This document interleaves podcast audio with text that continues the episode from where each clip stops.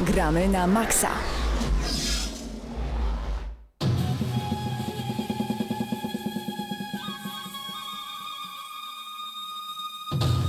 To jest zawsze wyjątkowo wspaniały moment, kiedy mija godzina 19, a my rozpoczynamy audycję Gramy na Maxa. Witamy Was bardzo serdecznie przed mikrofonami Marcin Górniak, Krzysztof Lenarczyk, Mateusz Widut i Paweł Typiak. Cześć panowie. Witamy. Witajcie. Dzień dobry. Koniec roku to przede wszystkim czas podsumowań, dlatego i my dzisiaj wybraliśmy kilka kategorii, dzięki którym będziemy chcieli podsumować rok 2016, który w jednym słowie był słaby. Marcin, Ciekawy. Krzysiek. Żenujący. O proszę, Mateusz. Rozczarowanie. O, i to są właśnie te słowa, które bardzo szybko opisują rok 2016, bo nawet kiedy coś już wychodziło, to czy to było dobre, no o tym przekonamy się właśnie w tej audycji Gramy na Maxa. Chcemy Wam e, podsumować e, cały dzisiejszy rok, ale w tym roku także, wróć, w tej audycji także e, recenzja Final Fantasy XV, gry, która wychodziła tak długo, że już niektórzy myśleli, że ta gra nigdy nie wyjdzie. Stąd też Marcin Górniak przyjechał do nas prosto ze stolicy, żeby po wielu, wielu, wielu, wielu miesiącach niebycia w Gramy na Maxa opowiedzieć nam troszeczkę na temat tej gry. Y, Marcin, jednym słowem, ale żeby to nie było takie podsumowanie już, żeby nikt nie wiedział jaką ocenę wystawisz. Dziwnie. Dziwnie, o i No. dlatego warto czekać na tę recenzję, która mniej więcej po godzinie 19.30 na antenie Radia Centrum pojawi się właśnie dziś w 480 odcinku audycji Gramy na Maxa. Moi drodzy, e, mamy dla Was kilka kategorii przygotowanych właśnie przez e, nasz zespół i przypomnimy także, że pięć kategorii pojawi się także na dodatku do Gramy na Maxa, którym jest GNM+, którego możecie e, słuchać na naszej stronie gramy na maxa.pl oraz oglądać na YouTubie wpisując Gramy na Maxa. Tam pięć ciekawych kategorii. Tam największe zaskoczenie roku, największe odkrycie roku, czyli e, nawet o czym nie słyszeliśmy przed premierą, a potem okazało się, że o, niespodzianka, to jest coś naprawdę porządnego. Najlepszy kierunek artystyczny oraz wrażenia estetyczne, rozczarowanie roku oraz najlepsza postać drugoplanowa. My dzisiaj i tak naprawdę już za chwilę e, zajmiemy się pięcioma innymi kategoriami, a zaczniemy panowie od e, najlepszego multi, najbardziej wciągającej gry. To będą nasze dwie kategorie na chwilę obecną, więc proponuję rozpocząć od multiplayera, ponieważ jest z nami Krzysiek, a Krzysiek lubi grać w FIFA, a wiemy, że wiele osób w FIFA gra tylko i wyłącznie po sieci, wyładowując z siebie całą masę negatywnych emocji, a potem Chyba- pisząc do siebie złe wiadomości. Tak Chyba jest? nabywając się całej masy złych Ale rzeczy, rzeczywiście tak jest, że grając w FIFA e, są takie problemy, że nie jesteś w stanie przeskoczyć e, błędów jakiejś gry i, Tak. i rzucasz mięsem w gracza. Nie, może nie tyle w mięsem w gracza, co w twórców, co władujesz negatywne emocje na wszystkim innym, bo mm, jest coś takiego, że mówi się, że to gry strzelanki powodują agresję wśród graczy. Mi się wydaje, że gry, w które mm, jest jakiś element losowy, który nie jest zależny od gracza i który występuje jest tym frustrującym, a w FIFA niestety jest to dość częste. I w platformówki. Najbardziej frustrujące gry to platformówki, zawsze dawaliśmy za frustrację 10 na 10. Znaczy tutaj odnośnie FIFA ja dodam tylko tyle, no bo gram zdecydowanie krócej niż Krzysiek i mniej niż Krzysiek, natomiast e, chyba padające serwery to jest... E, No Coś naprawdę irytujące, jak grasz y, tryb zwany Food Champions, gdzie masz określoną liczbę 40 meczy do rozegrania, a nie wiem, w 10 na 40 meczach wywala ci serwery i automatycznie wlepia porażkę. Wow. To trudno się nie denerwować. No oczywiście, sytuacji. że tak. Panowie, czyli y, zacznijmy w takim razie od najlepszego multiplayera. Czy nominowalibyście FIFA właśnie Broń do Boże, tej kategorii? broń Boże, tylko nie to.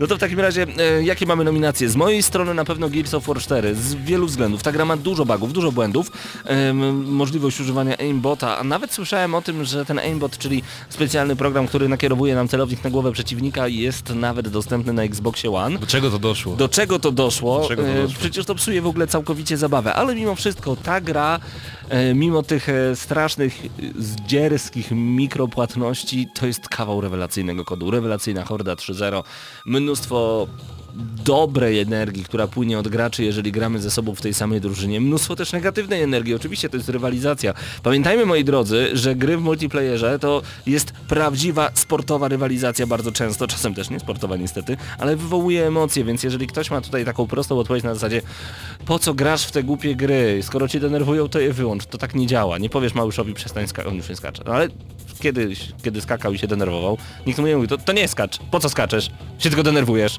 Nie skacz, nikt tak nie mówi. Więc z mojej strony Gears of War 4 przede wszystkim właśnie za te dwa tryby, czyli Horde 3.0, która w dobrej ekipie, zgranej, fajnej ekipie powoduje no, mnóstwo pozytywnych emocji, natomiast jeżeli ta ekipa nie jest dobrze zgrana, powoduje, że tę ekipę można zgrać w sposób świetny. Za bardzo ciekawy rozwój tego multiplayera, dodawanie kolejnych map, które w teorii trzeba kupować, a w praktyce i tak możemy na nich grać nie kupując ich. No minus ogromny oczywiście za te mikropłatności, każda paczka, każda skórka to są, to są ogromne pieniądze, to idzie w stronę Counter-Strike'a Global Offensive. To mi się bardzo nie podoba. I, i kiedy widzę jak e, naprawdę ci młodzi ludzie, gimnazjaliści e, cieszą się, że o wychodzi nowa paczka, zestaw paczek będzie kosztował tylko 120 zł, sobie myślę, zestaw skórek, zestaw skrzynek, który otworzysz w grze i ty się cieszysz, że to tylko 120 zł, już raz kupiłeś tę grę, ale mimo wszystko Gears of War 4 to moja nominacja na najlepsze multi, Mateusz. Jeśli o mnie chodzi, to y, może to nie będzie nominacja najbardziej obiektywna, ale będzie właśnie najbardziej subiektywna, bo w tym roku najwięcej y, w trybie wieloosobowym spędziłem w Battlefieldzie pierwszym. I choć faktycznie na początku i szczególnie w becie, która była dostępna dla wszystkich, y, pewne elementy nie działały. Wiadomo, snajperzy tam mieli wręcz kolosalną przewagę nad innymi. Była broń Mandragora, która też wydawała się dużo lepsza niż, niż inne dostępne, ale wszystko zostało z czasem jakby odpowiednio zbalansowane. I, i dla mnie to była gra y,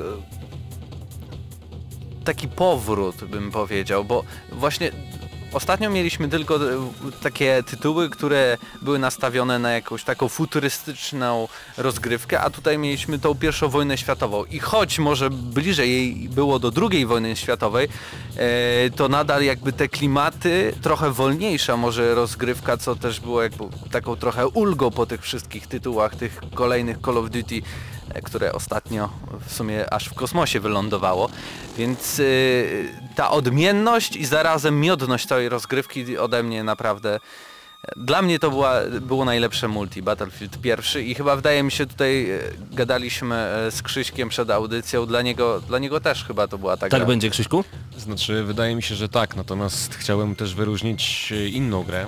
Mm, Znaczy, moją osobistą nominacją będzie Battlefield. Wydaje mi się, że to będzie najlepszy multiplayer, aczkolwiek na wyróżnienie będzie zasługiwał Overwatch i nie dlatego, że to jest świetna gra, nie dlatego, że ma wiele trybów i kosztuje małe pieniądze, bo ta gra wydaje mi się nie jest do końca rozwinięta. Jeszcze, jest to takie mm, poletko do popisu dla Blizzarda, ale za to mm, jak gracze wciągnęli się w, w tę grę, jak ona wpłynęła na esport i że ta scena praktycznie w tak krótkim czasie rozwinęła się do jakiejś monstruar- monstrualnych wielkości.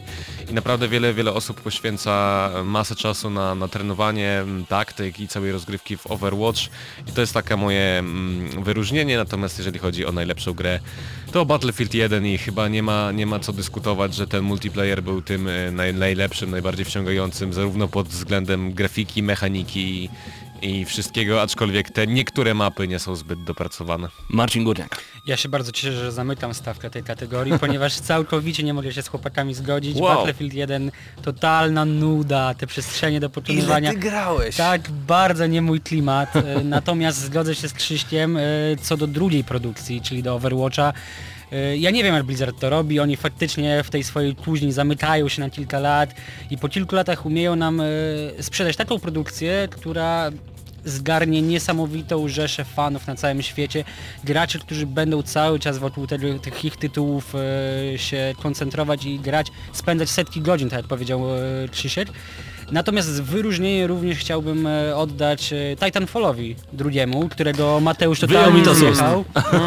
Natomiast e, Chciałem wyróżnić właśnie ta grę. gra ma gigantyczny problem pod tym względem, że została wydana w bardzo złym terminie, pomiędzy Call of Duty, A pomiędzy Battlefieldem. Battlefieldem. To nie mogło się udać. No, rzucona ale- pomiędzy młotem a kowadłem tak naprawdę. Ale I Marcinie, Jedyna słuszna opcja. ja się tutaj wtrącę, no bo właśnie wydaje mi się, że największą bolączką Titanfalla drugiego był właśnie multiplayer, gdzie nie wiem, czy e, ze względu na to, że w jedynce nie było kampanii dla pojedynczego gracza, to na tym się skupili i to wyszło im no niesamowicie. Bardzo mi się podobała kampania i też jakby rozwiązania, które tam były zastosowane, ale multi nie, tam za dużo kombinowania, za dużo odblokowania.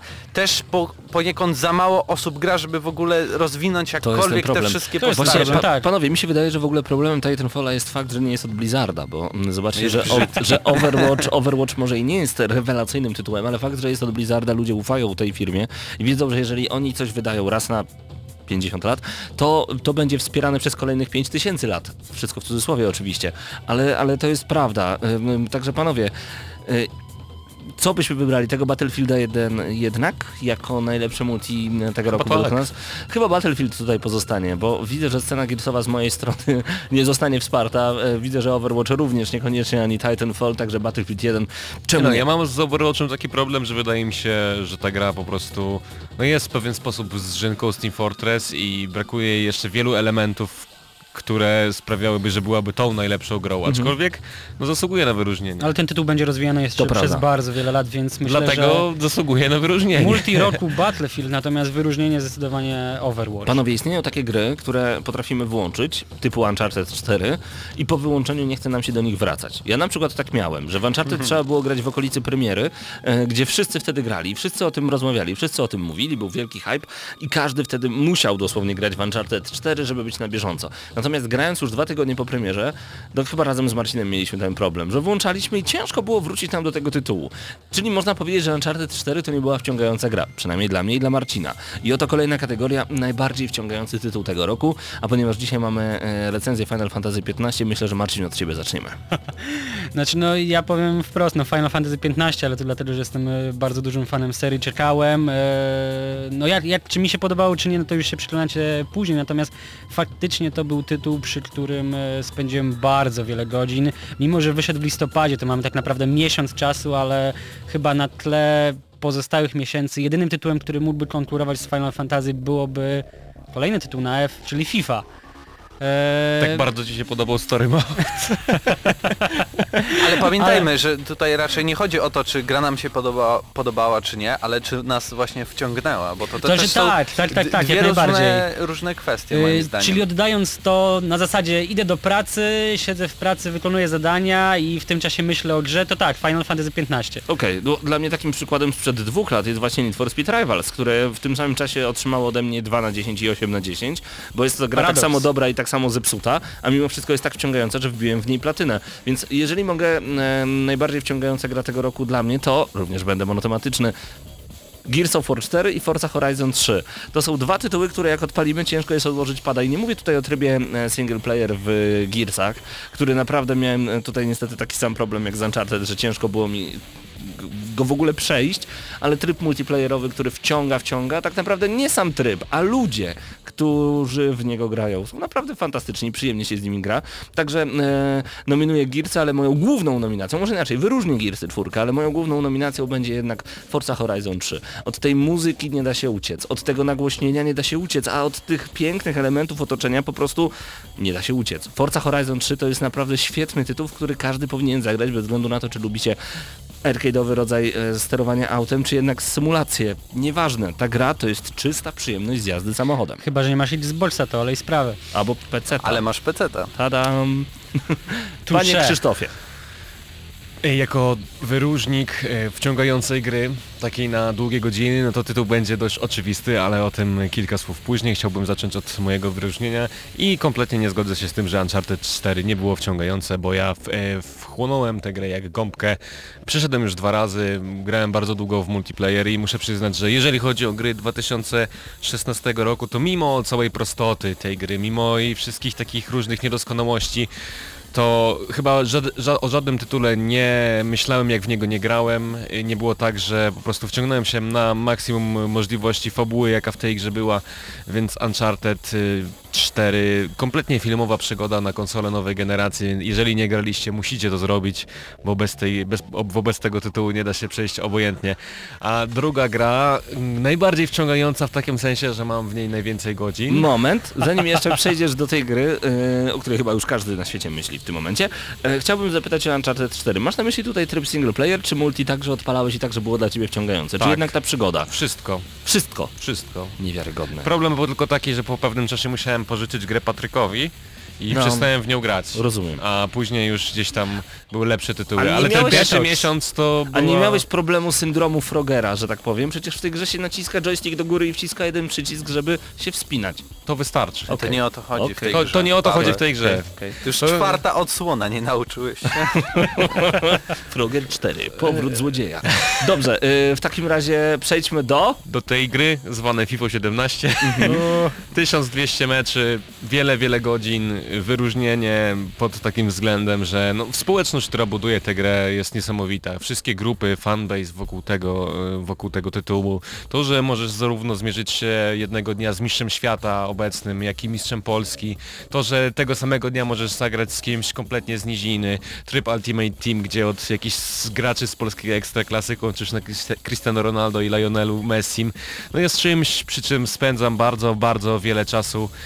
No i to jest taka gra, która będzie pochłaniać jeszcze długie godziny pewnie w moim życiu i w tym roku, i w następnym, i za dwa lata. I... Znaczy nie, nie, nie, bo za świata. dwa lata to już kolejna FIFA. No więc- kolejna FIFA, w sensie nowy numerek, ale w No zasadzie tak. to będzie bardzo podobne. Wszystko będzie to samo. Także, a skoro przy FIFA jesteśmy, e, turniej 14 stycznia w Atrium Felicity, na którym będziemy patronem medialnym, jako audycja Gramy na Maxa. Zapraszamy Was bardzo gorąco, jeżeli FIFA Was także wciągnęła. 14 stycznia, zapiszcie sobie tę datę.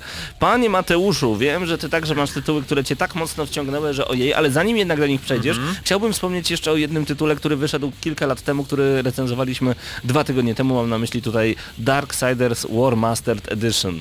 Gra, którą odpaliłem na chwilę i wbiłem w niej platynę.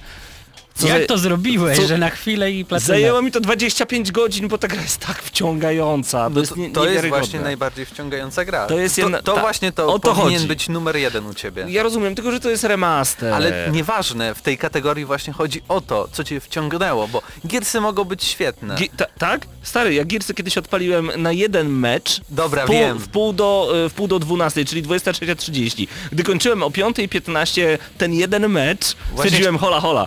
Gdzieś tu jest przegięcie. Chciałem powiedzieć, on ma 30 kilka lat, włączy po 18 grę, skończył o 5 rano. Ja nawet, mając 20 kilka, nie robię tak jak on. Bo jesteś stary. Dobrze, a Mateusz, Tak. w takim razie co Mhm. nominujesz jako grę najbardziej Właśnie wciągającą? w tym roku miałem duży problem, bo nie ma takich pełnoprawnych 2016 gier. G. Może szachy w twoim wieku to... Tak, tak, szachy. Nie, ale, ale są Bridge, produkcje. Poker. E, Remika. Wyróżnienie ode Mhm, mnie wyróżnienie. będzie e, gra, która pierwotnie pojawiła się w 2015, czyli Rise of the Tomb Raider. E, ostatnio zacząłem grać i, Zaskoczenie i, dla i mnie. wydaje mi się, że w tym roku praktycznie nic oprócz tej gry, o której zaraz, nie wciągnęło mnie tak bardzo. Tak? No proszę. Nawet wydaje mi się, że Uncharted No. 4 z, nawet prowadzeniem tej całej historii nie było tak Ale bardzo Mateuszu, wciągające. dla mnie, Do nawet, brzegu. dla mnie nawet poprzedni Tomb Raider, w sensie ta red, ten restart serii Tak. jest dużo lepszy niż Uncharted 4, Ale bo pró- próbowałem później większy, e, remaster próbować właśnie tego, tego pierwszego Tomb Raidera i, i jakoś wtedy nie jest. mogłem. O, ja wsiąkłem, wsiąkłem. Właśnie To nie. był naprawdę dobry Uncharted 3,5 Sukni. A grą, która najbardziej mnie wciągnęła, a tak naprawdę dodatkiem do gry, to jest Wiedźmin 3 Krew i Wino. Dodatek, Okej. który no odpaliłem grę i tylko myślałem o tym, żeby skończyć Znaczy, ten dodatek. Możemy mówić, że to jest Zrobiłem doda- w- dodatek, ale to jest No, tak naprawdę to jest duża gigantyczna gra. Prawda? Ponad 10 godzin, więc niektóre gry nawet mają i mniej w dzisiejszych czasach, ale The Order, wszyscy The Order. Myślą. The Order było dobrą grą. Mhm, tak. Mhm, tak. Dla W mnie. innym uniwersum na pewno. E, Eee. czyli co, krew i wino od Tak, ciebie. zdecydowanie. To była, nie wiem, każdemu polecam. Czy lubi RPG, czy nie, ale tam też i sama fabuła i prowadzenie rozgrywki coś niesamowitego wciąga na godziny, setki godzin. To jest to. Y, Mimo to chciałbym jeszcze małą Mhm. dygresję, że Krew i Wino był dużo, dużo gorszym dodatkiem niż Serca z Kamienia. No ale to już tamten rok. No niestety, więc jakby, jakby Serca z Kamienia Ale były w tym nadal, roku, nawet- to to była najbardziej to- A wciągająca to gra. ciekawa To, opinia to akurat. słabe krew i wino i tak jest lepsze niż większość tytułów, które w tym roku wyszły. Tak jest. Y, Moi drodzy, ja myślę, że tutaj nie będziemy mieli zwycięzcy, ponieważ najbardziej wciągająca gra to jest bardzo, bardzo, bardzo subiektywna y, kategoria i każdy będzie mieć swoją nominację i wy wybierzcie także swoją grę i napiszcie nam koniecznie na naszym Facebooku, facebook.com, tam wpisujcie gramy na maksa, tam jesteśmy. Czekamy także na wasze informacje, a my zostawiamy was na chwilę z muzyką. A skoro jesteśmy przy Wiedźminie, Wiedźmin 3 Dziki Gon i pierwszy utwór z tej płyty The Trial. Marcin Przybyłowicz jest autorem tego utworu, który ma 2 minuty 49 sekund, a my już za chwilę przejdziemy do kolejnych kategorii. Tym razem razem e, z Pawłem i Patrykiem będziemy rozmawiać o czymś zupełnie innym. To będzie tym razem najlepszy soundtrack, czyli właśnie e, muzyka, która nam się bardzo podobała i najlepsza historia. Zostańcie z nami. Gramy na maksimum, śpimy minimum.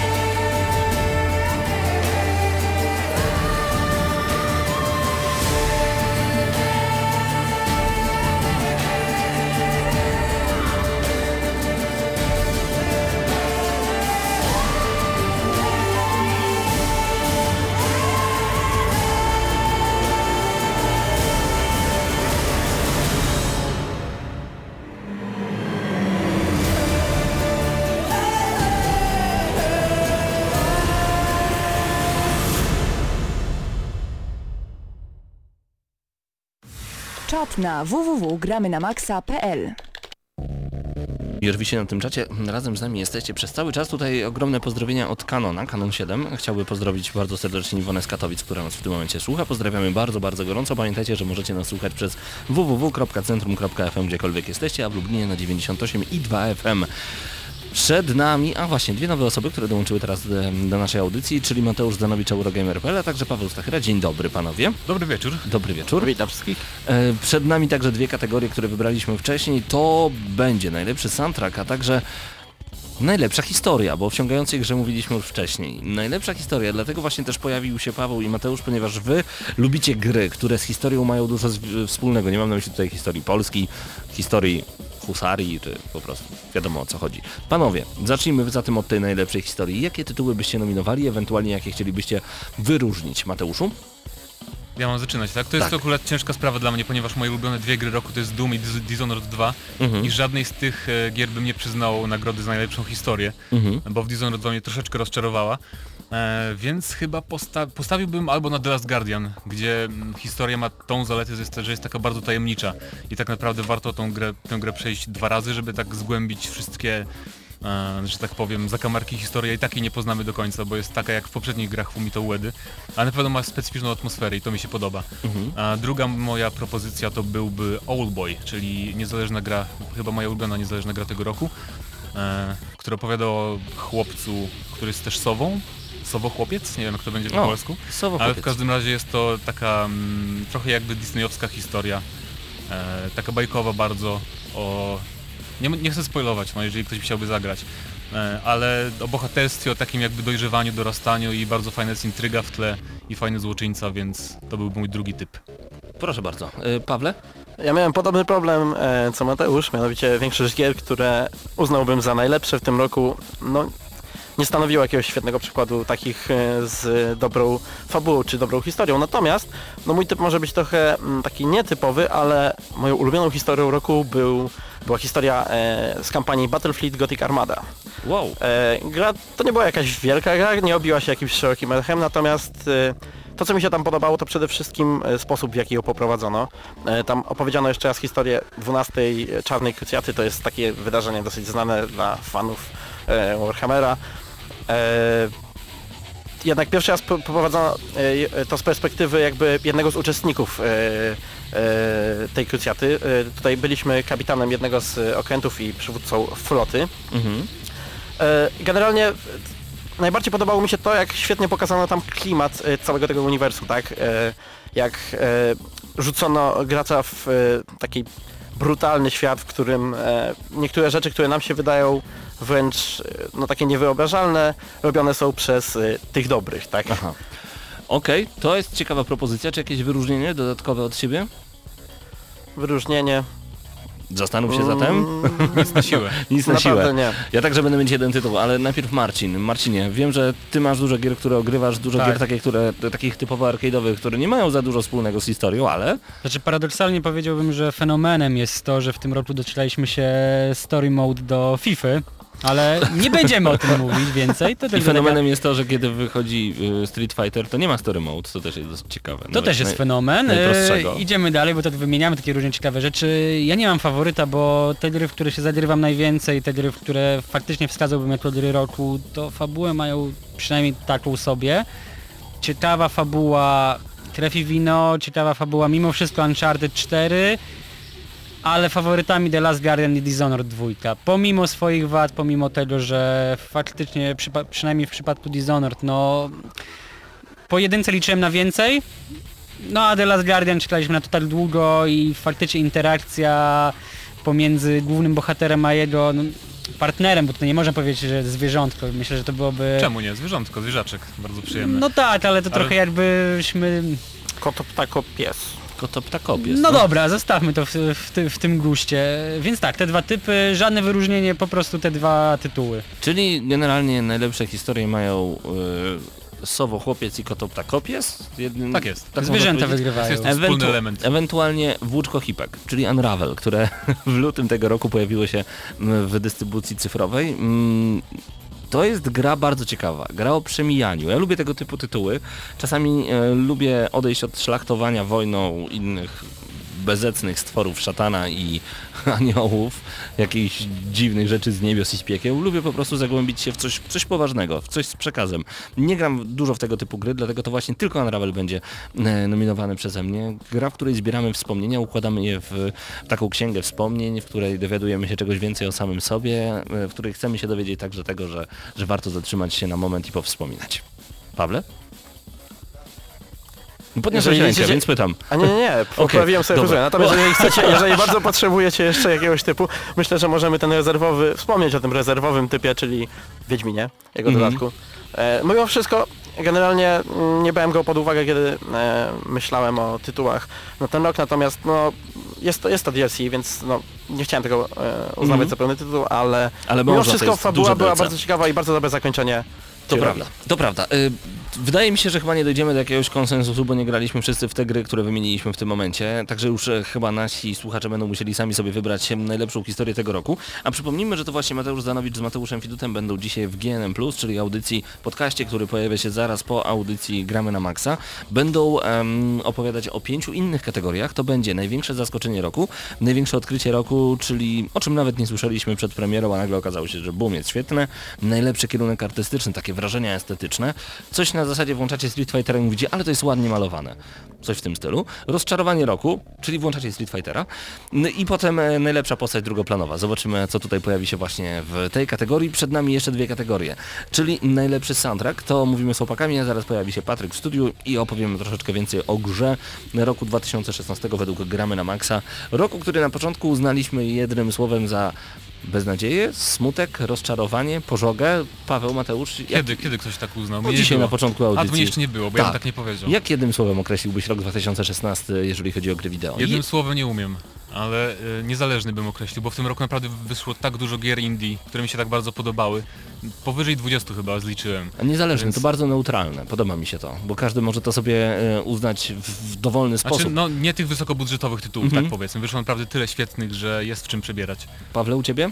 Jedno słowo? Żeby nie było za różowo, dla mnie jedno słowo na ten rok to Battleborn. Battleborn, po prostu. Okej, panowie, e, najlepszy soundtrack tego roku. Wiem, że tutaj typów będzie naprawdę dużo, każdy zagrywa się w coś zupełnie innego. Ja zacznę od Forcy Horizon, co jest ciekawe, ponieważ grając w tę grę, e, to jest ja po pierwszych 10 godzinach powiedziałem, że tak, to jest gra wyścigowa, ale to jest także gra fotograficzna, bo tryb fotograficzny w tej grze jest niewiarygodny. To jest także gra muzyczna, gra, w której jesteśmy na festiwalu muzycznym pełnoprawnym, gdzie są prawdziwe stacje radiowe. Może to nie są takie stacje radiowe jak w poprzednich dwóch częściach, gdzie rewelacyjny e, radiowiec e, to wszystko zapowiadał. To brzmiało jak prawdziwa stacja radiowa. Tutaj na, mam na myśli oczywiście po polsku, bo tutaj mamy też rewelacyjnych radiowców w języku angielskim, co też brzmi fenomenalnie, ale Ciężko jest uciec od Forcy Horizon 3, jeżeli mówimy o muzyce, bo to jest jeden wielki festiwal rajdowy, tak, ale również muzyczny. Dlatego ja nominuję Forza Horizon 3. To był świetny kawałek gry. Panowie, Pawle, Przede wszystkim zacząłbym od Duma, ale myślę, że Doom tutaj jeszcze padnie, więc od razu może przejdę do e, dwóch pozostałych tytułów, które mam na myśli. E, najpierw e, taka mała, mm, takie małe wyróżnienie. E, Hyper Light Drifter, nie wiem czy słyszeliście o tym tytule, czekaliście, to jest właśnie jeden z tych indyków, o których pewnie wspominał e, Mateusz. Tak jest. E, no to jest bardzo ładna, właściwie to bardzo, bardzo ładna, mam nadzieję, że padnie w, w, w GNM Plusie e, przy okazji estetyki. E, bardzo ładna gra, która miała też bardzo przyjemny, bardzo taki spokojny e, soundtrack, ale moim tutaj typem na najlepszy soundtrack roku byłoby chyba Fury. Fury. Fury to jest taki bardzo, bardzo syntowy, bardzo mm, przypominający między innymi to, co znamy chociażby z Hotline Miami, tak? E, soundtrack, który świetnie współgrał z faktem, że cała gra to był symulator walki z bossem. Mhm. E, nie było tam nic poza bossami, tam To od fakt. bossa do bossa, tak? I e, taka muzyka dobrze pompowała krew, jednocześnie e, nie była to tak e, ostra, e, ostry sposób na pompowanie krwi poprzez muzykę jak w przypadku Duma, tak? Mhm. To było bardziej tutaj to elektroniczne podejście, no i za to uważam, że Ale mimo wszystko Doom to będzie ta twoja główna nominacja, czy jednak nie, zatrzymasz się zostanie przy przy Fury? Furii, bo Doom tutaj i tak na pewno padnie. Mateuszu, No tak, padnie Doom, bo to jest właśnie u mnie zwycięzca w tej kategorii, e, niezaprzeczalny. Po prostu kiedy zaczynamy Duma, jeżeli graliście to wiecie, jest taka scena jakieś 5 minut chyba już po początku. windą gdy jedzie. Kiedy, kiedy zjeżdżamy windą, zaczyna się taka, Piękne. taki utwór metalowy i potem przygrywa on, kiedy zjeżdżamy tą windą i kiedy wysiadamy, to jest takie idealnie dopasowane przeładowanie shotguna i wtedy już wiedziałem, że kocham ten soundtrack w tym momencie.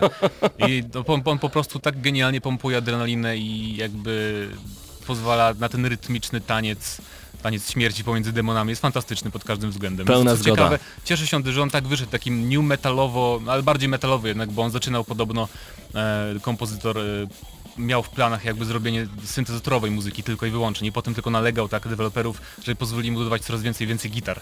Cieszę, cieszę się, że udało mu się przekonać deweloperów. Czyli zostajemy przy Dumie, jeżeli chodzi o Mateusza. Pamiętacie e, między innymi początek DMC Devil May Cry? Tam również właśnie taka mocna, numetalowa muzyka e, była wpleciona w to, co działo się z Dante. To było...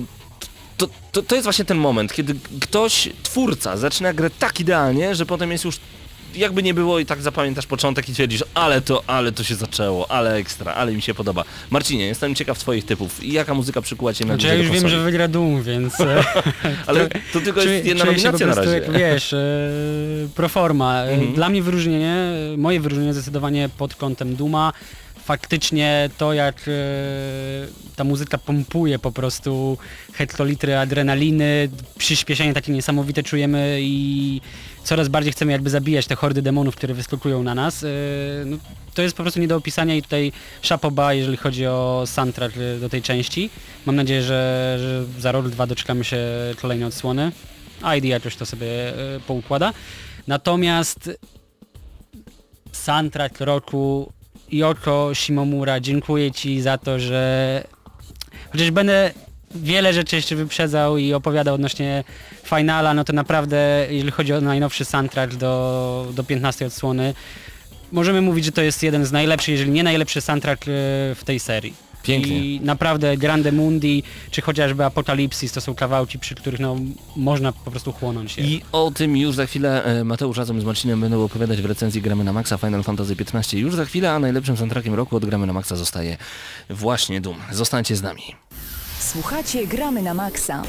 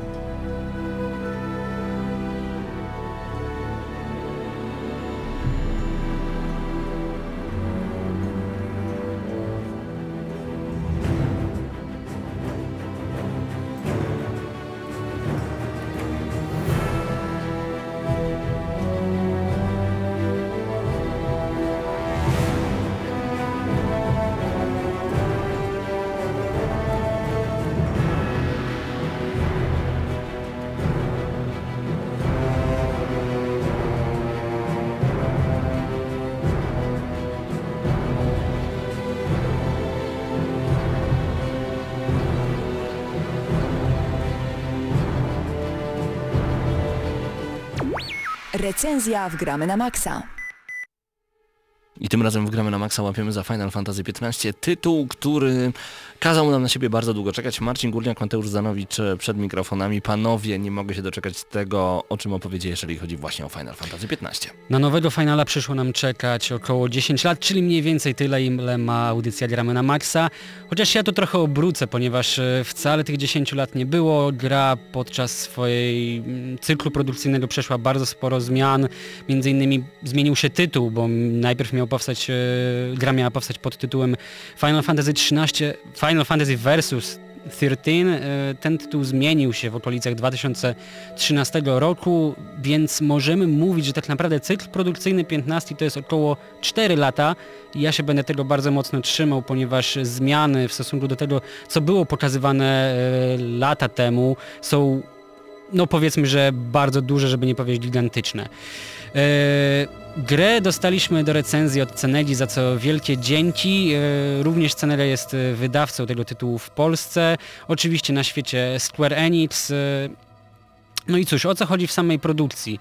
Wcielamy się w księcia Noctisa, który razem ze swoją małą paczką, tak zwanym boys bandem, jak to się wiele osób, wielu recenzentów śmieje, no próbuje uratować świata, przynajmniej przynajmniej swoje królestwo, e, odzyskać swoje królestwo, które zostało mu zabrane przez podstępne, e, podstępnego Podstępne sąsiada. Tak, złe imperium, Złe zwykle. imperium Nilfheim, e, które no niestety jest zdecydowanie lepiej zmilitaryzowane, ma takie tendencje do dyktatorskie. No i cóż, gra rozpoczyna się w momencie, kiedy stolica Lucis, e, czyli państwa miasta e, Noctisa zostaje zdobyta, zostaje im odebrany kryształ, który jest jakby elementem ukazującym się w wielu innych odsłonach e, serii Final Fantasy. Ten kryształ zostaje im odebrany, Lucis upada, natomiast Noctis musi jakby, no odzyskać tron, odnaleźć swoją ukochaną, którą No tak, chyba pomścić też śmierć ojca. bliskiej osoby ojca. To nie jest spoiler chyba, nie, że on umiera.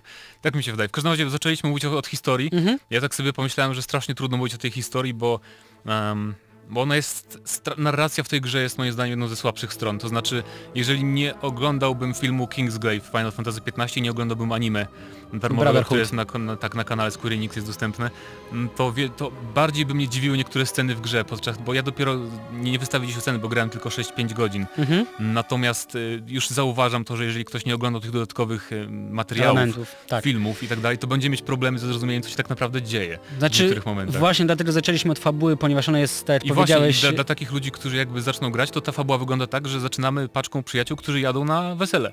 No jadą nie, się... nie, ma, nie ma tak na początku wiesz, nie czuć, nie czuć tej tragedii, która przed chwilą się wydarzyła. Zresztą nie jest to jakby niewytłumaczone, ponieważ oni tak naprawdę nie wiedzą, co się przed chwilą No wydarzyło tak, w bo ta tragedia następuje, jak oni idą tam, kładą się spać Równolegle pewnej nocy. Tak. poniekąd. Yy, natomiast faktycznie fabuła jest bardzo poszatkowana, jeżeli nie mieliście do czynienia z, albo nie, będzie, nie mieliście no, możliwości poznać e, tych dodatkowych elementów wokół Final Fantasy XV, no to możecie czuć się zagubieni. Minus zdecydowanie tak, ponieważ e, no, nie można mówić tutaj o pełnoprawnej produkcji, jeżeli nie macie kontaktu z tymi pozostałymi elementami. I to jest moim zdaniem pozostałość tego, o czym mówię, że ten cykl produkcyjny trwał 4 lata, ale moim zdaniem jednak trochę tej historii wzięli z tego, co Tak, miało być tak, kiedyś tak, jak wersji najbardziej. 13 i dlatego to jest właśnie takie troszeczkę To widać niestety. zresztą w niektórych elementach e, z materiałów poprzedzających, typu walka z Lewiatanem, która w samej 15 wygląda zdecydowanie inaczej niż to, co zostało zaprezentowane w e, pokazach chociażby Z3 z 2006 i, i później. No ale cóż, no Hadzime Tabata jakby przekazał stołek e, dyrektora produkcyjnego tego tytułu, e, znaczy, przepraszam, Nomura przekazał Tabacie e, stołek produkcyjny, no i wiele elementów musiało się zmienić. E, zmienił się system walki, nie mamy tutaj e, turowego ATB, który, czyli Active Time Battle, żeby znany zresztą bardzo dobrze fanom serii. Co wielu osobom może się nie podobać, e, tutaj zdecydowanie mm, no, Tabata czerpał e, elementy z e, Crisis Core'a, czyli Trochę z tak, jakby trochę z. Kingdom Hearts, trochę właśnie z Crisis Tak, Core. dokładnie. I wyszło z tego coś, co się wydaje na pierwszy rzut oka takie strasznie zautomatyzowane, ale tak naprawdę nie jest wcale aż takie, niektórzy mówią, że to jest casualowy system walki, no. Mi I- się, mi się całkiem podoba. Jest, On jest bardzo niecasualowy. jest Jak nietypowy bardzo, to jest w sumie fajne, że jest taki zupełnie inny niż w innych grach, bo nie, nie mam innego porównania, żeby był podobny Mhm. system walki w innej produkcji. Wydaje mi się, że plus. nie ma, bo mimo wszystko te kombosy, które mieliśmy w Kingdom Hearts, to były one wykonywane za pomocą pewnych komend, czyli No między innymi wywoływanie magii, tam łączenie się z innymi bohaterami, tworzenie jakiegoś rodzaju tam summonów powiedzmy, to właśnie mniej więcej tak wyglądała przygoda Sory i Klaczora Donalda i Goofiego, Jezu, jak to dziwnie brzmi. E, No natomiast tutaj ten nasz boys band e, no, ma trochę urozmaicony ten system walki, przede wszystkim dzięki tak zwanym warp strike'om, czyli możliwości teleportowania się głównego bohatera, to jest jakby efekt posiadania mocy e, Mocy kryształu. mocy kryształu, Chyba. ale też jakby trochę mocy płynących w krwi jakby Tak, e, rodziny, rodziny królewskiej Ojca. e, Lucis. Więc dzięki możliwości właśnie tego przemieszczania się, tak, trochę to mi przypomina Blink z Dishonored e, i całej serii, możemy również wykonywać dodatkowe akcje. Przede wszystkim pojawiać się za plecami przeciwników i wykonywać jakby takie ataki, kombosy wszystkimi członkami drużyny. Również dzięki dodatkowym innym elementom, które możemy rozwijać poprzez e, drzewko umiejętności, wykupują sobie dodatkowe umiejętności, których docelowo na początku nie możemy wykonywać. Jeżeli chodzi o drzewko umiejętności, o których wspomniałem na początku, yy, to wiele osób mówi, że on- to drzewko dostępne w Final Fantasy XV jest bardzo podobne do Sphere Grid, które widzieliśmy w Final Fantasy X. Może trochę, tylko jest rozdzielone jakby na kategorie bardziej niż tamto. Chyba sześć kategorii, nie chcę tutaj skłamać. e, Te kategorie paradoksalnie bardzo się od siebie różnią. Jedna, jedno drzewko umiejętności jest skierowane bardzo na takie mm, ruchy drużynowe właśnie podczas walki. Inne zwiększają bazowe umiejętności postaci, jakby zwiększają e, punkt, liczbę punktów życia, No tak, statystyki takie witalność. typowe, Tak, takie nudne. typowe statystyki. Jeszcze inne drzewko sprawia, że jakby szybciej się rozwijamy. Pozwala nam poprzez różnego rodzaju akcje wykonywane podczas gry zwiększać pulę punktów, które pozwalają dalej rozwijać Tak, na postać, przykład więcej punktów XP mamy za odpoczywanie w obozach, czy za jazdę samochodem. czy za wędkowanie. tam- Tak jest. Wędkowanie Więc- najlepsze rzecz w tej grze. Tak, wędkowanie najlepsza rzecz w tej grze. Y, tych sposobów na rozwój postaci jest bardzo wiele i to też jakby pokazuje mm, różnorodność e, w sposobie przechodzenia tego tytułu. W sensie nie ma problemu, żeby poprzez wykonywanie bardzo konkretnych akcji cały czas jakby brnąć do przodu. To nie znaczy, że żeby zdobyć platynę musicie robić e, wszystko. Jak najbardziej nie. E, Natomiast zdecydowanie ta gra do tego zachęca. Nasi bohaterowie mają różnego rodzaju hobby. Bardzo zadbano o to, żeby rozwinąć ich postacie, sprawić, żeby oni faktycznie wyglądali na taką paczkę przyjaciół, którzy znają swoje wady, znają swoje zalety, mają e, tło historyczne, też e, właśnie w Brotherhood chcieli to Tak, pokazać tak. Mhm. przede wszystkim. I te elementy mają swój, swoje rozwinięcie w, we właściwej grze, poprzez chociażby właśnie te hobby, czyli gotowanie dla Idnisa, podróżowanie, jakby poznawanie nowych miejsc dla e, Gladiolusa, czyli Gladio. Prompto uwielbia fotografować, zresztą jest bardzo dużo questów związanych z e, robieniem zdjęć. No a Noctis ma chyba najciekawsze zadanie, Główny jakie bohater mogą... łowi ryby, tak. Tak, jest- no i, no i cóż, wiecie, no... Znaczy wiesz, z punktu gameplayowego, bo my gramy Noctisem, więc nie wiem czy gotowanie byłoby tak jakby, chociaż może. Ale wędkowanie, Ciekawe, nie jest- wiem, mi się wędkowanie kojarzy ogólnie z wypadami z dziadkiem i jak bardzo lubię mojego dziadka. A na pewno mo, mo, moim zdaniem ta minigierka wędkowania jest najlepsza chyba w grach w ogóle, jak dla mnie. Nie wiem, to jest taka drobnostka oczywiście, ale taką mam, takie mam spostrzeżenie. I też, bo powiedzieliśmy o tej paczce właśnie przyjaciół, moim zdaniem to jest największa dla mnie zaleta tej gry na razie, że mm, bardzo czuć tą chemię między innymi, Bardzo. między nimi, czuć, że bardzo się lubią i się rozumieją i to jest jakby chyba naj- najlepsze, jakby jedyny taki przykład w historii serii Final, Final Fantasy, że nie poznajemy tych nowych towarzyszy drużyny W trakcie stopniowo po kolei, tak? tak. Tylko od razu czujemy, że to są kumple e, na zabój Mhm. po prostu i że bardzo się rozumieją i to bardzo fajną atmosferę buduje, dzięki temu nawet zwykła, nie wiem, podążanie na piechotę dwie mile przez pustkowia i słuchanie ich rozmów, wymiany zdań jest bardzo, po prostu buduje tą fajną atmosferę i klimat takiej przygody. Ja muszę powiedzieć, że tego elementu bardzo się bałem, kiedy widziałem te wszystkie materiały przed e, wypuszczeniem e, 15 e, na rynek, ponieważ, e, no zabrzmi to paradoksalnie, ale mieliśmy boys band, brakowało kobiet, e, we wszystkich innych finalach mimo wszystko ta drużyna była bardziej urozmaicona. Tutaj ma to trochę e, sensu, ponieważ oni faktycznie pomimo tego, że są jego przyjaciółmi, są jego braćmi, to wielokrotnie zostaje zaznaczone podczas samej e, gry, no to są również jego ochroniarzami. No można tak powiedzieć, Noctis no. jest księciem, no, którego mimo wszystko trzeba chronić i takie jest zadanie, główne zadanie pozostałych bohaterów. Natomiast poznajemy też inne postacie, które są bardzo ciekawe, między innymi księżniczkę Luna Freję, która Która też nawiąże do początku, że mówiłem, że to może być e, bardzo takie, enigmatyczne. że to może zadziwić graczy, którzy nie wiedzą co się będzie działo, bo jeżeli nie oglądaliśmy tych filmów, to nie wiemy skąd ta Luna Freya w ogóle się bierze w tej Kim pierwszej jest, scence. po co, dlaczego tak, w ogóle. Noctis jedzie na ślub, bez znajomości Mhm. innych elementów, tego nie znaczy. Natomiast z innych postaci, no mamy Cindy, która jakby zajmuje się modernizowaniem e, regali, czyli naszego samochodu, samolotu, statku.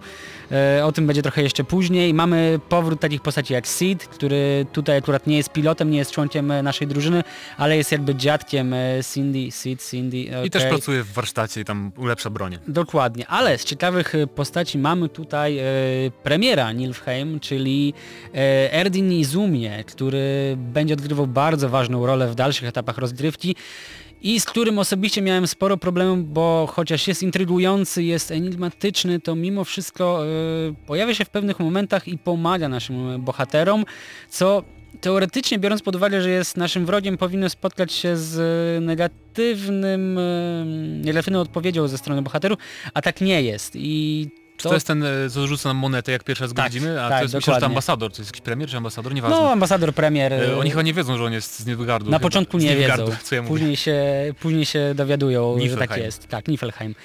Więc e, no tutaj trochę fabularnie to, to nie zgrzyta. No ale w każdym razie dobra, postaci jest sporo ciekawych, ale powiedzmy cokolwiek o strukturze rozgrywki, rozgrywki, bo ona jest zupełnie inna niż w poprzednich finalach.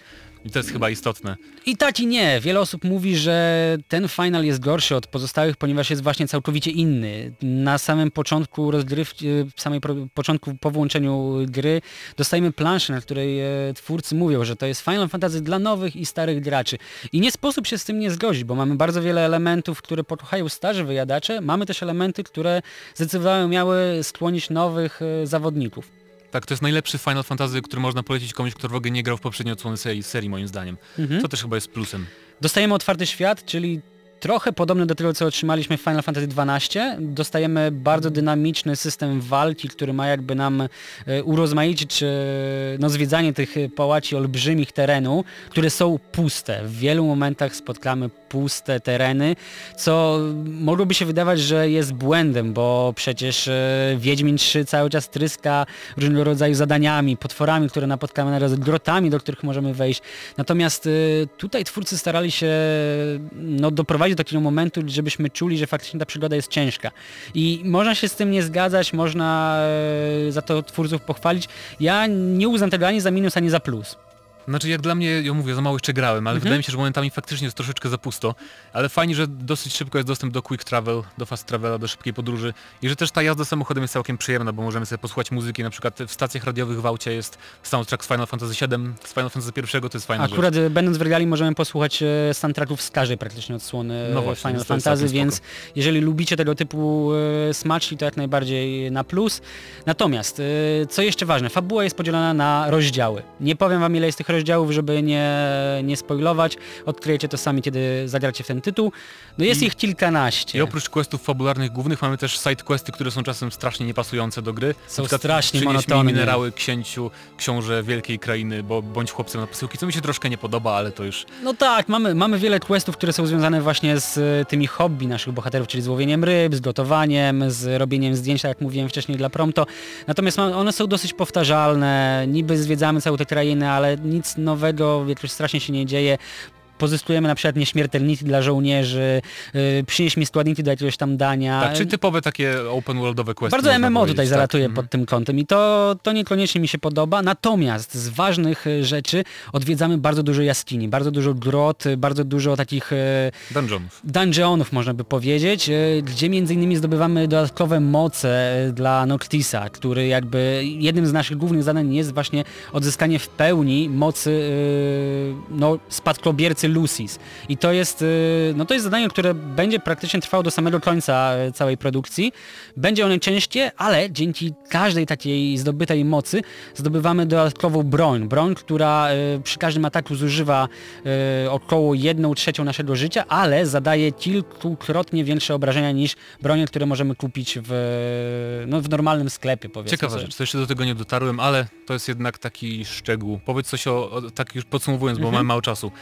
Bo jeszcze za mało nie, znaczy za mało, mało grałem, więc grałeś, nie wypowiem się o głównym wątku, jak mi się podoba, więc ty już przyszedłeś grę, więc jak główna historia. Wiesz co, bardzo poszatkowana jest ta fabuła. Momentami można się w niej pogubić, e, tak jak powiedziałeś, nie widać e, jasnego sensu, dlaczego musimy No pewne to już rzeczy właśnie to, o zrobić. tym już mówiliśmy, ale jakościowo mi chodzi, wiesz. Jakościowo doceni, doceni się tę grę dopiero pod koniec. I to jest chyba też duży minus, ponieważ jeżeli nie macie dużo czasu, nie macie na, e, na jedną produkcję około 50 godzin, no to jeżeli tytuł rozkręca się dopiero przy godzinie 30, a tak w tym przypadku jest, no to dla wielu osób będzie to ściana nie do, nie do przejścia. Dla mnie nie, ja uwielbiam tę serię, natomiast no jak najbardziej rozumiem, że nie wszystkim musi się to podobać. No mi na razie po tych 5-6 godzinach bardzo się podoba i jest bardzo przyjemna atmosfera takiego, takiej podróży i przygoda to jest dla mnie synonim na razie Final Czyli 15. panowie, jaka byłaby wasza ocena końcowa, jeżeli chodzi o Final Fantasy XV? Podsumowując, Grę, na- na którą tak długo czekaliśmy. Na duży plus y, system walki, bohaterowie, między którymi chemia naprawdę gra, y, sposób rozwoju bohaterów, niesamowita muzyka. Tutaj y, powtórzę, Grande Mundi i Apokalipsis to są kawałki, które wymiatają totalnie. Y, grafika, no jak na możliwości PS4 Pro mogłoby Jest być lepiej, nieźle. ale jest całkiem nieźle. Nudne, schematyczne zadania, y, poszatkowana fabuła, na pewno nie najlepsza jak na Final Fantasy, jak na tę serię, więc no ocena będzie jakby adekwatna do tego, co otrzymałem.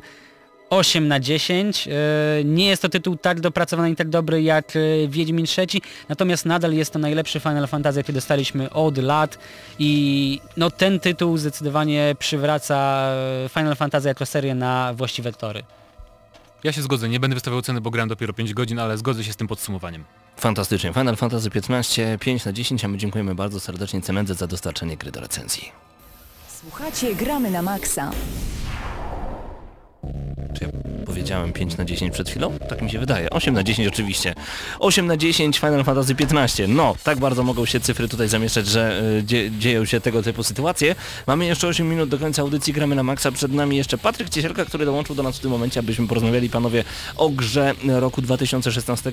Rok 2016 był słaby, jeżeli chodzi o gry wideo, ale przepraszam, muszę prywatę wcisnąć. Denerwuje mnie, jak ludzie na Facebooku piszą, że 2016 to taki straszny rok, bo wszyscy umierają, codziennie wszyscy umierają. Co z tego, że umierają też sławne osoby? Bo teraz Ale bijesz do tego, że księżniczka, Księżniczka Leia nie żyje. nie żyje, już, tak. już nie ma nadziei dla No, galaktyki.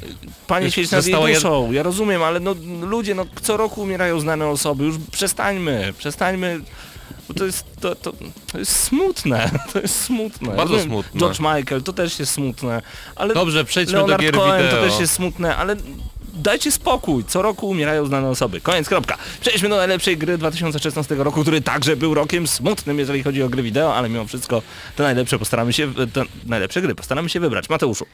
E, Jeśli o mnie chodzi, to wybrałem tu grę, która już pojawiła się w dzisiejszej audycji, a mianowicie Uncharted 4 e, Kres Złodzieja. Zapytacie się, dlaczego właśnie ta gra? E, I odpowiedź jest jedna. To jest jedyna gra, która nie ma minusów tym roku. Nie, nie można się do niej przyczepić, bo coś jest złego. Ma złą grafikę, udźwiękowienie, projekt y, poziomów, y, nie wiem, y, rozgrywkę, samo strzelanie, historię, grafikę. No, mógłbym tak wymieniać. Nie ma słabych po prostu żadnych elementów. To gra bardzo dobra. Może nie jest zaskoczeniem, bo dostaliśmy dokładnie to, czego się spodziewaliśmy. To nie było takie wow, w ogóle nie wiedziałem, że można jeszcze tak super to zrobić. Dostaliśmy to, co było zapowiedziane. Twórcy to dostarczyli i, i, i dla mnie, jeśli ktoś by miał, a tutaj w tym momencie ja wybieram grę roku 2016, to właśnie byłoby Uncharted, bo oczywiście Gears of War 4 super było, ale też ma y, pewne elementy, Tak. które mi się nie podobają. Na przykład jak ta gra wygląda w koopie. Tragicznie wygląda. I tu jest element już, gdzie mogę powiedzieć, że ma wadę. Uncharted 4 nie powiesz, naprawdę. Będziesz się silił, żeby powiedzieć. Ta gra nie ma wad. Mhm. Czyli Uncharted 4 od ciebie, Mateuszu. Tak. Patryk? A moją y, grą roku jest y, Doom. Y, dlaczego Doom? Otóż twórcy tej gry w świetny sposób nawiązują, nawiązują nawet, zrobili grę bardzo podobną do tych starych części, tak? W starych Doomach mieliśmy nacisk położony na chodzenie na boki, prawda? Żeby uniknąć przeciwników, podejść do nich w jakiś odpowiedni sposób. Na przykład impy puszczały wolne pociski, trzeba było wolno to ominąć. I właśnie tą zasadą kierowali się twórcy Duma. Yy, Zrobili dokładnie na podstawie tego nową grę. I to nie jest tak, że oni zrobili to samo, co było kiedyś, yy, tylko że dali inne tekstury. To jest, to, to jest zupełnie inna gra na tych, na tych fundamentach yy, starych, starych tytułów. I to było święte. To było świetne. I święte też. Też, też. Ale się udało. Tak jest. I jest tam strasznie dużo y, nawiązań do tych pierwszych części. Możemy odblokować w każdym etapie jakąś planszę ze starego Duma i możemy potem ją odegrać y, na tych nowy, z tym nowym naszym uzbrojeniem y, na starych teksturach Duma. No świetna sprawa, po prostu człowiek się patrzy i się sam cieszy. No, no, no świetne, świetne wykorzystanie tego, tego, tego, co mogli zrobić twórcy. Krzysztof? Tak się jeszcze chwilę zastanowiłem. Niebezpieczna cisza, ale nie wiem, może to będzie zaskoczenie dla wielu słuchaczy, ale wybiorę według mnie najlepszego sandboxa roku i prawdopodobnie też y, najlepszego sandboxa roku następnego, bo premiera e, pudełkowa tej gry mm, nastąpi 31 stycznia i będzie też sezon drugi, a mówię o grze o po prostu tytule Hitman, tudzież Hitman. No i dlaczego? Chciałbym O. to uargumentować. Słucham cię zatem. Ta gra jest po prostu um, sandboxem ostatecznym, tak? Czyli zostajemy wrzuceni na określoną mapę, mamy pewne cele do wykonania, zabicie kogoś i tak dalej, ale droga, którą my musimy przejść jest zależna tylko od nas. Możemy sobie wyłączyć wszystkie podpowiedzi, wszystkie różne em, hinty, które gra nam daje łącznie z minimapą, E, a możemy grać po prostu po nitce do kłębka i za każdym razem będziemy się bawić e, świetnie. Ta gra nie ma praktycznie żadnego minusa, fantastycznie wygląda, fantastycznie działa, ma świetne udźwiękowienie. E, jedynym jej, jej, jej, jej wadą było system dystrybucji, to, że mm, pojawiły, te odcinki po, po, pojawiały się epizodycznie, przez to ta ocena tej gry odpowiednio spadała, ale jeżeli ja jako ja miałbym oceniać e, cały pierwszy sezon, byłoby to 10 na 10. Dla mnie Wow. Hitman zarówno pod względem tej fabuły, która tam jest, bo jakaś tam jest, zarówno y, tych kontraktów, które gdzieś tam dostajemy, no po prostu ta gra jest czymś wspaniałym. Dla każdego fana Agenta 47 to jest y, coś, y, obok czego nie można przejść obojętnie, ale myślę, że też dla każdego fana gier komputerowych. Według mnie najlepsza gra Zdecydowanie chyba najlepsza ze wszystkich jakie grałem, y, y, a gdzieś tam na drugim miejscu byłoby Uncharted, o którym też Mateusz wspomniał. Dla mnie Doom, bo lubię Tatara. Doom to jest po prostu totalne mięso, niesamowity soundtrack, fantastyczna grafika i to jest coś, czego się wcześniej nie spodziewaliśmy. I wydaje mi się, że to właśnie Doom został grą roku 2016 według Gramy na Maxa, choć każdy ma trochę swoje inne typy. Zdania podzielone, bym powiedział. Paweł, pół. Paweł, Paweł Żółwik przez mikrofon. Y, Dziękujemy Wam bardzo gorąco. Y, Patryk Ciesielka, Krzysztof Lenarczyk, Mateusz Widut, Marcin Górniak, a także Mateusz Zanowicz i Paweł Typiak. To był ostatni odcinek audycji Gramy na Maxa w Radiu Centrum. Dziękujemy Wam bardzo serdecznie. Y, Zaraz po tym odcinku, 480 odcinku GNM, a byliśmy z Wami już 10,5 roku na antenie Radia Centrum, chcemy Was zaprosić na naszego Facebooka, ponieważ tam już za chwilkę zrobimy em, program na żywo, w którym opowiemy, co dalej będzie działo się z audycją Gramy na Maxa, bo sama w sobie audycja na pewno przetrwa. Trzymamy oczywiście za to kciuki, żeby tak było. Y, Więcej wytłumaczymy już niedługo. A ja także chciałbym tak prywatnie bardzo się z Wami pożegnać, bo to jest ostatni program w Radiu Centrum, który mam przyjemność e, robić. Ja byłem z Wami już 12 lat przed tym mikrofonem. To już jest kawał czasu. Czas na trochę zmian, ale na pewno się jeszcze usłyszymy. Do usłyszenia Paweł Typiak. To było fantastycznych 12 lat. Cześć!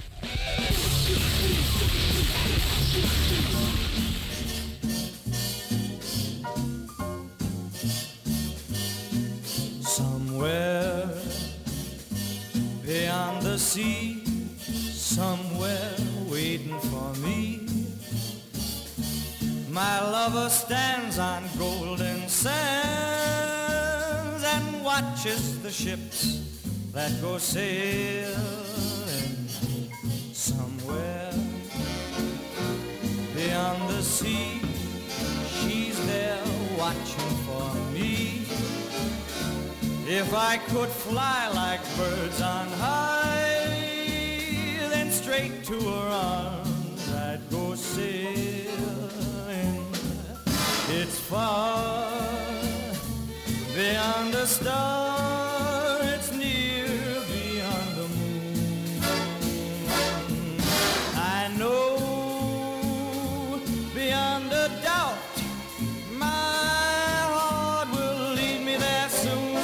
Gramy na maksa.